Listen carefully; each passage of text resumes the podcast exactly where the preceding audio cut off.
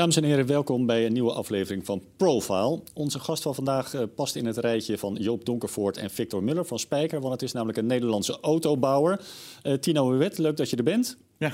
Um, met wie voel je je het meest verwant? Donkervoort of Spijker? Muller eigenlijk. Nou, ik vind, ik vind dat wij daar nog niet echt zijn, we alle twee niet. Um, nou, ik denk meer Donkervoort dan. Hm. Toch wel.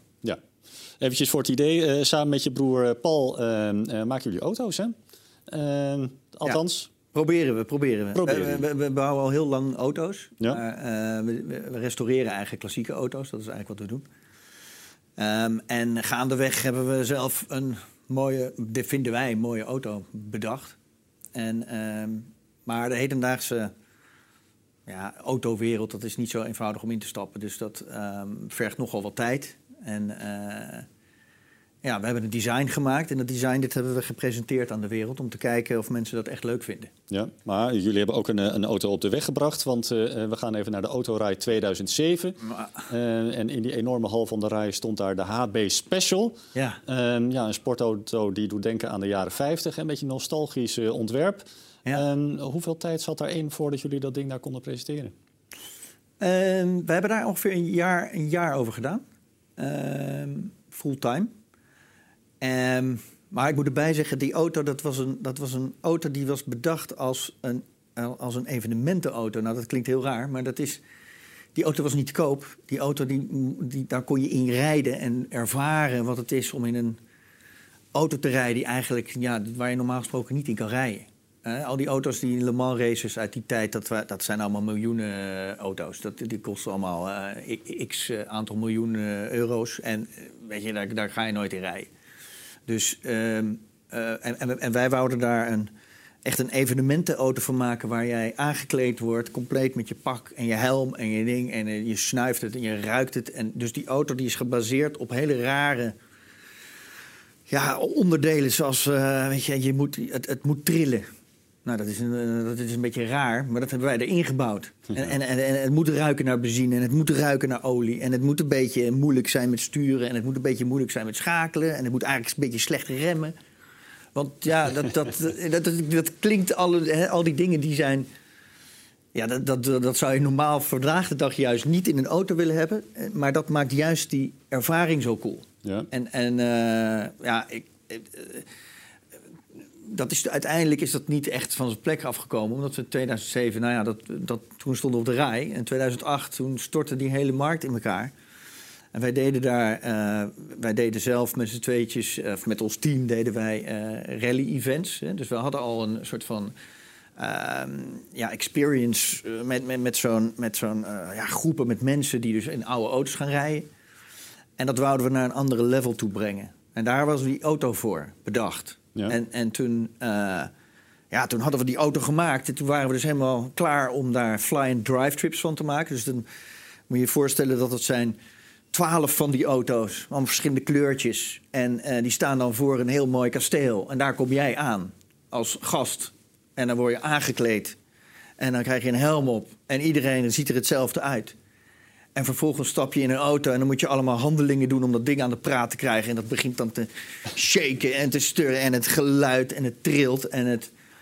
en dan ga je gewoon een leuke rit maken voor een paar dagen. En uh, nou, ik, dat, is, ja, dat is nog steeds wel iets wat ja, dat is extreem gaaf om te doen. Ja, ja, ja. En dat kost, uh, dat kost wel wat, maar dan, uh, weet je, dat doen uh, ja, grotere bedrijven doen dat ook. Hè. Je hebt de Porsche Experience in Lapland of weet ik veel, in Zweden. Ga je op het ijs rijden. Nou, zo gaaf. Is gewoon gaaf. Ja. Dus dat moet je een keertje beleven. Dus dat was echt een belevenisauto. En daar, en daar ja, toen stortte die markt in elkaar in 2008. En toen, ja, weet je, dan ga je dan anderhalf miljoen euro investeren. Dat wat je niet hebt. Hè. Dan moet je dat van iemand anders gaan lenen om iets te gaan doen waar iedereen zegt, nou, nu even niet. Want ik heb geen, uh, ja, er is nu even geen geld en nu hebben we geen tijd om dit te gaan doen. Dus er is uiteindelijk één exemplaar van gebouwd, hè? Daar is toen één exemplaar van gebouwd. We zijn er nu uh, nog vier aan het bouwen. Uh, daarnaast. Één, één exemplaar. Nou, jij weet wat er is gebeurd met dat één exemplaar. Ja, ik wil net zeggen, je, je zou denken, daar doe je super voorzichtig mee. Maar uh, wat doe je? Je, je stuurt hem de Nürnbergring op en ja. uh, harte bosjes in. Wat was het, de vangrail? Nou, we hebben altijd die auto bedacht uh, als zijnde een rijdersauto. Dus je moet, weet je, als je een, een raceauto hebt of een, een, auto gemaakt hebt die hard kan... dan moet je er niet zachtjes mee gaan rijden op de snelweg enzovoort. Dat is een beetje, ja, dat, dat, dat vind ik, dat, dat hoort niet. Ja. Je moet eigenlijk iets te hard rijden. Dat mag misschien niet, maar dat, uh, daar is hij voor gemaakt. Dus je moet, uh, ja. En, en uh, ja, wij waren vlak, ik was vlak bij de Nürburgring. Ik was niet op de Nürburgring. en het was glad en het was nat en het was, ik zag weinig. En ik reed toch iets te hard.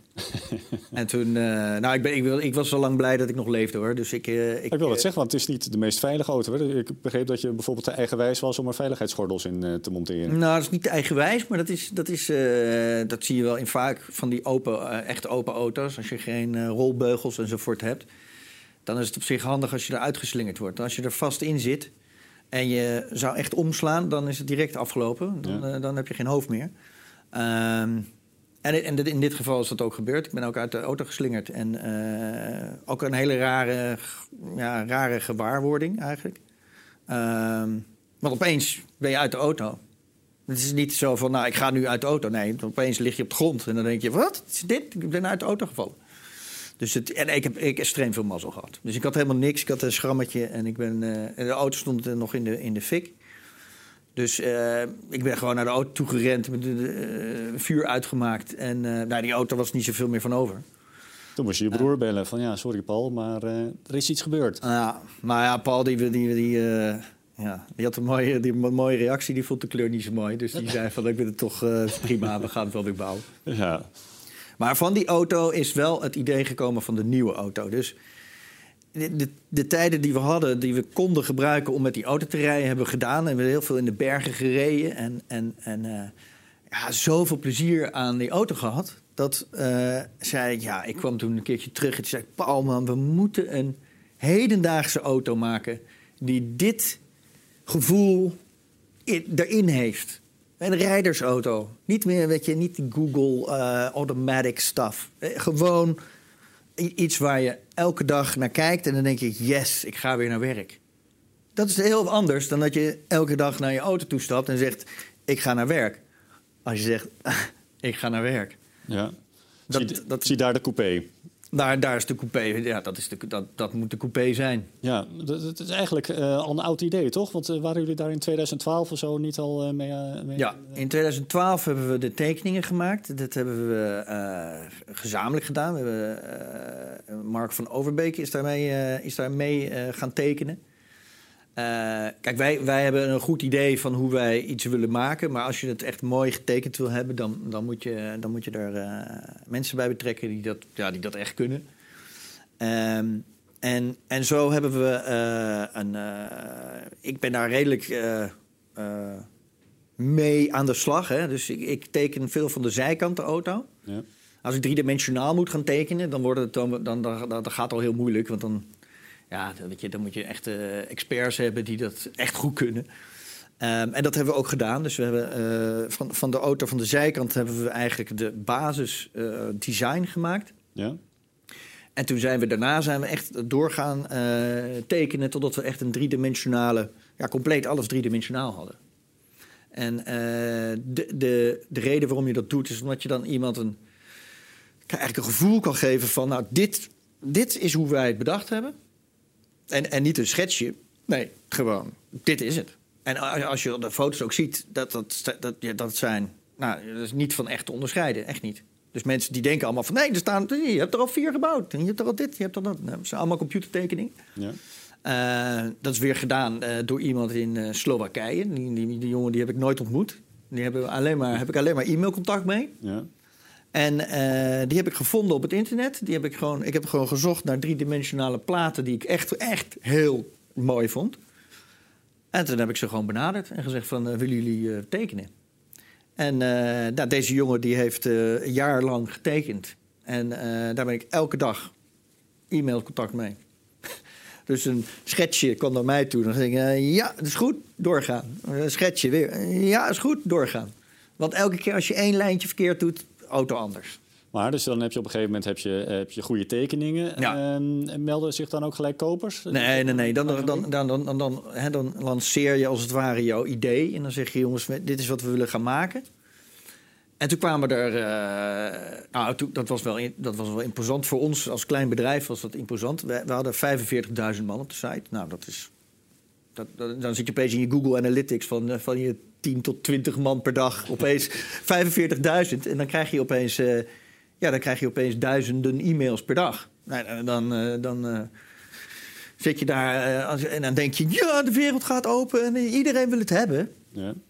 Dus dan, eh, dan kom je erachter dat je eigenlijk nog niet geprepareerd bent voor dat hele, eh, voor, voor die hele, ja, die toevloed, toevloed van mensen die allemaal vragen hebben. Gaat hij naar Amerika? Komt hij weer? naar- Komt hij daar? Komt hij dit? Kan ik dit? Kan ik? Nou, dus eh, dan merk je dat je ja, daar niet op voorbereid bent. Dan moet je dat allemaal tijdens die processen moet je dat gaan voorbereiden. Hè. Eh, koopcontracten maken in het Engels. eh, zorgen dat dat allemaal lawyer technisch ook ja, goed in elkaar zit. Je moet ook een eerlijke propositie geven. Dat je zegt van ja, moet jij nu het risico lopen dat ik een goede auto bouw? Ja. Mm, nee, vind ik niet. Ik, ik moet het risico lopen dat ik een goede auto bouw. Jij moet eigenlijk niet zoveel risico lopen als koper. Jij moet zeggen, ik vind het een gaaf ding en ik wil rijden met dat ding. En als ik dan uiteindelijk het nog steeds een gaaf ding vind, dan koop ik hem. Ja, ja. Dat, dat, moet, het, dat moet het idee zijn. Eh, Er zijn een hoop mensen die andersom werken. Hè. Ik, ik noemde een Victor Muller, ik noemde hem net al eventjes. Eh, die laat mensen intekenen op auto's die er nog helemaal niet zijn. En ehm, ziet dan wel of die eh, ooit op de weg komen. Ja, ik, ik, ik, ik heb daar niet. Ik, wij, wij zijn. eh, om, het, om het een beetje anders neer te zetten. wij- zijn al twintig jaar bezig met auto's bouwen. Ja?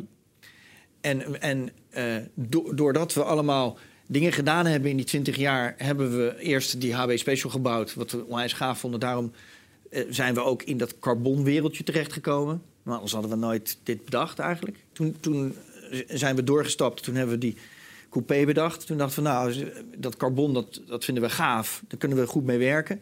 Dat is heel wat anders dan als je aankomt en zegt...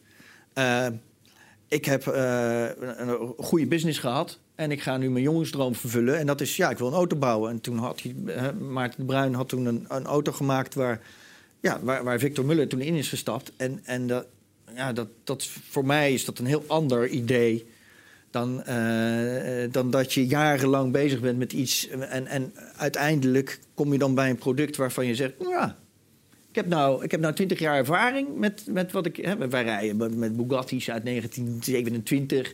We rijden ook met Porsches en dat soort dingen. Vind, allemaal, het is allemaal leuk. En elke auto is anders. El- elke auto is anders. Ja? Weet je, we, we hadden zelf 40, eh 40 klassieke auto's. Die hebben we inmiddels niet meer, die hebben we allemaal verkocht. Maar eh, die, die, dan zei iemand, wie, wat is jouw favoriete auto? Nou, dat, dat, dat heb je niet. Het is hetzelfde als dat je vraagt, is dat je, wie is jouw favoriete kind? Ja? Dat, dat, dat, dat gaat niet. Dus de ene, het ene kind heeft, eh, die, die schakelt lekker, het andere kind remt goed en het andere stuurt lekker. En dus het is, ja, eh, ehm, en, en, en daar, ik denk dat wij ook totaal niet bezig zijn met het idee van, nou, we gaan een auto bouwen om heel veel geld te verdienen. Want dat, dat, moet, je, dat moet je direct loslaten. Je kan er helemaal geen cent mee verdienen. Nee, nou, laten we dat eventjes los. Maar we gaan het toch even over geld hebben. Want eh de tekeningen van die coupé die, eh, eh, die stammen uit 2012. Althans, toen zijn jullie mee begonnen. En eigenlijk hebben jullie vrij recent ehm, een eh, crowdfunding campagne geopend... om Ja. ja. genoeg geld te halen om dat ding ook daadwerkelijk te bouwen. Hè? Ja. Wat zijn je ervaringen met die hele crowdfunding campagne? Nou, ten eerste is het super gaaf dat we hè, het gehaald hebben. Hè. Dus eh, wij hadden een, eh, wij hadden een, eh, een eerste ja, een goal. Dat noemen ze in crowdfunding zo, hè, dat je dat kan halen. Dat was 100.000 euro. Nou, dat is op zich best wel geld. Ja. Om dat in 30 dagen binnen te slepen. En ehm, eh, die 100.000 euro is echt, dat hebben we ook echt wel nodig om, om horloges te maken. Want Je- even horloges maken, je bouwt auto's toch? Ja, dat klopt. Maar we hebben eigenlijk in het begin, ook bij die HP Special, hadden we eh, die experience. En die experience was dat jij aangekleed werd en dat je. Hè, en, en als jij die HB experience had gedaan, dan kon je een klokje kopen. Dat is een beetje zoals de Millimilia hè, met Chopard, die doet dat. En, en dat kijken wij daar ook natuurlijk een beetje vanaf. En, eh, maar het is gewoon gaaf om iets te dragen wat, een, eh, wat iets eh, memorabels heeft. En als je dan. ehm, eh, en toevallig bij dat horloge was dat.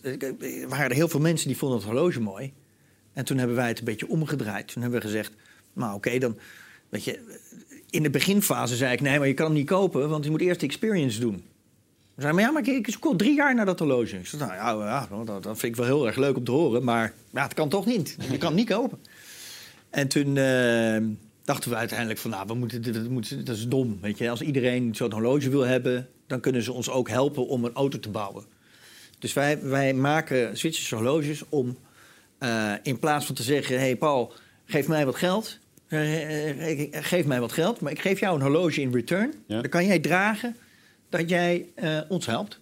En het is dus meer dan een ton opgehaald eh, via Kickstarter. Nou, het is 105, we hebben uiteindelijk 134 of 132.000 euro opgehaald. En blijft daar dan nog geld over als je eh, al die mensen beloont met een klokkie? Ja, wel iets. Iets, niet veel. Maar dat maakt niet zo... Kijk, als je, de, als je klokken maakt, dan heb je het over minimum aantallen. Ja. En als je minimum aantallen hebt, en, je hebt en je maakt vier verschillende klokken...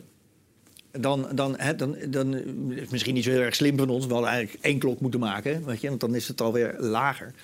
Maar als je die minima, eh, minimale aantallen wil halen, dan, dan heb je dat geld gewoon... Ja, dat moet je, moet je allemaal voorschieten.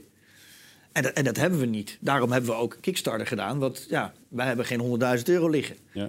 Ehm, wat we wel gedaan hebben met die horloges... is dat we hebben gekeken van... Nou, weet je, het, moet, het moet aan de ene kant moet het leuk zijn. Het moet een, het moet een kwalitatief... Ja, dit horloge is kwalitatief. Kan je, kan weet je, daar moet je 1000 euro voor betalen. Normaal gesproken. Mhm. Nou, die, die, die, die, die, die geven wij weg voor, die geven wij weg voor 300. Ja. Ehm, dat is alleen maar omdat we het gaaf vinden dat mensen ons verhaal vertellen. Al- Als wij echt in de business van horloges zouden zitten, zouden we er 1000 euro voor moeten vragen. Ja. Want dan heb je allemaal winkeliers en mensen en, en distributeurs en importeurs. En die moeten allemaal betaald worden. Dat is logisch. Iedereen doet zijn werk, dus iedereen moet betaald worden. Eh, winkelruimte, eh, extra stellages, dingen maken. Maar dat kost allemaal geld. Daarom zijn die horloges zo duur. Ehm, maar we hebben wel een horloge gemaakt met, eh, weet je, met eh, dubbel saffier glas. eh, ja, 100 meter waterdicht. We hebben zelfs een, een, een, een, leren band ontwikkeld die waterdicht is. Nou, dat is, dat is gewoon gaaf. Kortom, stevig horloge, je kan ermee crashen. Maar eh, in hoeverre brengt Ja. het horloge jullie nou dichter bij de droom van eh, de bouw van die coupé? Nou, wel, wel een heel stuk. Want wat er gebeurt is dat jij... eh, die 100.000 euro heb je nodig om die badge te kopen. Nou, en van die badge is de helft ge- afgenomen. Dus die andere helft die komt nog. En dus dat is een, dat is een proces wat... Wij mogen nu, gelukkig mogen we nu dat horloge bouwen. En eh, als we dan al, iedereen eh, zo'n horloge gegeven hebben... dan is, het, ja, dus de volgende stap is eh, hoeveel meer je horloges verkoopt. ehm, is dat eigenlijk alleen maar winst. En, en dat is leuk, want dat, die winst die kunnen wij dus in die auto stoppen.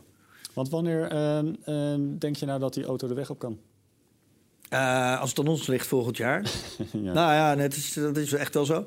Eh, wat, wat, wat je ook hebt, is je hebt een spin-off. Hè. De spin-off is dat er heel veel mensen nu opeens zien dat we weer lekker bezig zijn met die auto. En er zijn toch heel veel mensen die dat, die auto gewoon ja, heel mooi vinden. Is hij ook, ja. En ehm, dat is een kwestie van smaak. Hè. Sommige mensen het helemaal niks vinden, vind ik ook prima.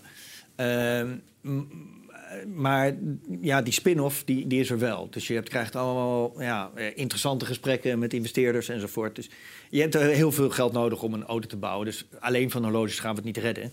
Maar het is wel leuk om een hele groep mensen te hebben die met je verhaal rondlopen. En- dus en- en dat dus vol- volgend jaar zou de eerste eh coupé de weg op moeten komen. Ja. Ehm, en wat is dan het doel? Willen jullie dat dan in relatief grote massa gaan produceren? Of wat is De- ja, nou, kleine massa noemen wij dat. Hele kleine massa. Eh, wij, wij willen eigenlijk 40 auto's per jaar produceren. Met een maximum tot 80. Dat is ook het maximum wat wij nu zouden kunnen maken in de huidige eh, ja, plek waar we zitten. Hè. We hebben dus een, ja, ongeveer 1000 vierkante meter. Waar wij eh, restauraties doen. En eh, dat is voor met z'n tweetjes dat vrij groot. Ehm, maar goed, dat, eh, dat, is, ja, dat is de volgende stap. Hè. Dan heb je vijf man in het, in het eerste prototypefase. Hmm. Dat is, dan ben je echt met vijf man ja, fulltime bezig om een jaar lang om, om die koets te bouwen. We hebben alle dingen eigenlijk al rond. Hè? Dus we hebben deals gemaakt met Mazda. We hebben ehm, we hebben de eerste auto's al staan. Uh, we hebben het één op één schaalmodel hebben we al. Ehm, dus er zijn heel veel stapjes genomen. Maar nu komen er stappen die... Ja, weet je, als je een malle wil gaan maken, dat kost, ja, dat kost zo 300.000, 400.000 euro. Ja. Ehm, ja, wil je echt een beetje verder gaan. En, en je, als je een nieuwe auto bouwt, moet je ook heel veel auto's tegen de muur aanzetten. Hè? Dat vergeet iedereen. En dan zegt iedereen, ja, dan heb je een auto gebouwd. Nou, nee, helemaal niet. Dan, dan moet je er nog zeven bouwen. En dan gaan er waarschijnlijk zes tegen de muur aan. Ja, de die, die um, Dus er zitten, er zitten allemaal fases in. En wij willen het stap voor stap doen. Want wij zeggen, ja, we gaan niet met een zwaard van Damocles boven ons hoofd hangen... dat we heel veel geld gaan lenen om te kijken of wij 40 auto's per jaar kunnen bouwen. Nee, we gaan nu eerst één auto bouwen. Die gaan we uh, door de RDW ook, uh, doen we, we, werken we ook heel veel samen mee. Uh, dat je die auto echt mag rijden op de weg. Dus dat is een, eigenlijk een rijdend prototype. Maar dat is eigenlijk een productieauto. Mm. Het enige is, de airbags zullen niet werken, want die zijn nog niet gecrashed. Dus je hebt geen testresultaten van je airbags en dan mag je ze niet aan hebben. Maar oké, okay. de mensen die kunnen dan gaan rijden. En vanuit, die, um, ja, vanuit daar kunnen we echt kijken of mensen het echt willen hebben. Ja. Ja. En als je dan ziet ja, dat iedereen komt rijden en zegt van... Uh, nou, dit vind ik me niks. Dat gaan ze niet zeggen. Want ze gaan allemaal zeggen, ik vind het fantastisch, ik wil er een. Um, maar als dat zo is, dan hoef je ook niet verder te gaan. Dan heb je een bepaalde tranche gedaan. En, dan, en dan, ja, als daar geen markt voor is, dan is er geen markt voor. Als er wel een markt is, dan kan je de volgende tranche in. Dan heb je weer meer geld nodig. Ja. Uh, want dan ga je echt de productiefase in. En dat is echt, ja, dat, dan, dan heb je het over echt uh, tientallen miljoenen. Ja, en uh, nog wel een, eh, een, paar jaar verder. Hey, ja. Tot slot, um, ja, de, de, het eerste rijdende model, het prototype, uh, is klaar. je rijdt weer door Duitsland. Durf je weer datzelfde weggetje te pakken? ja, en hard ook. Ja. ja, echt. Heel goed. Tino, leuk dat je er was. We gaan het in de gaten houden. Ja, super veel dank. dank. meer interviews zien, surf dan naar 7D TV.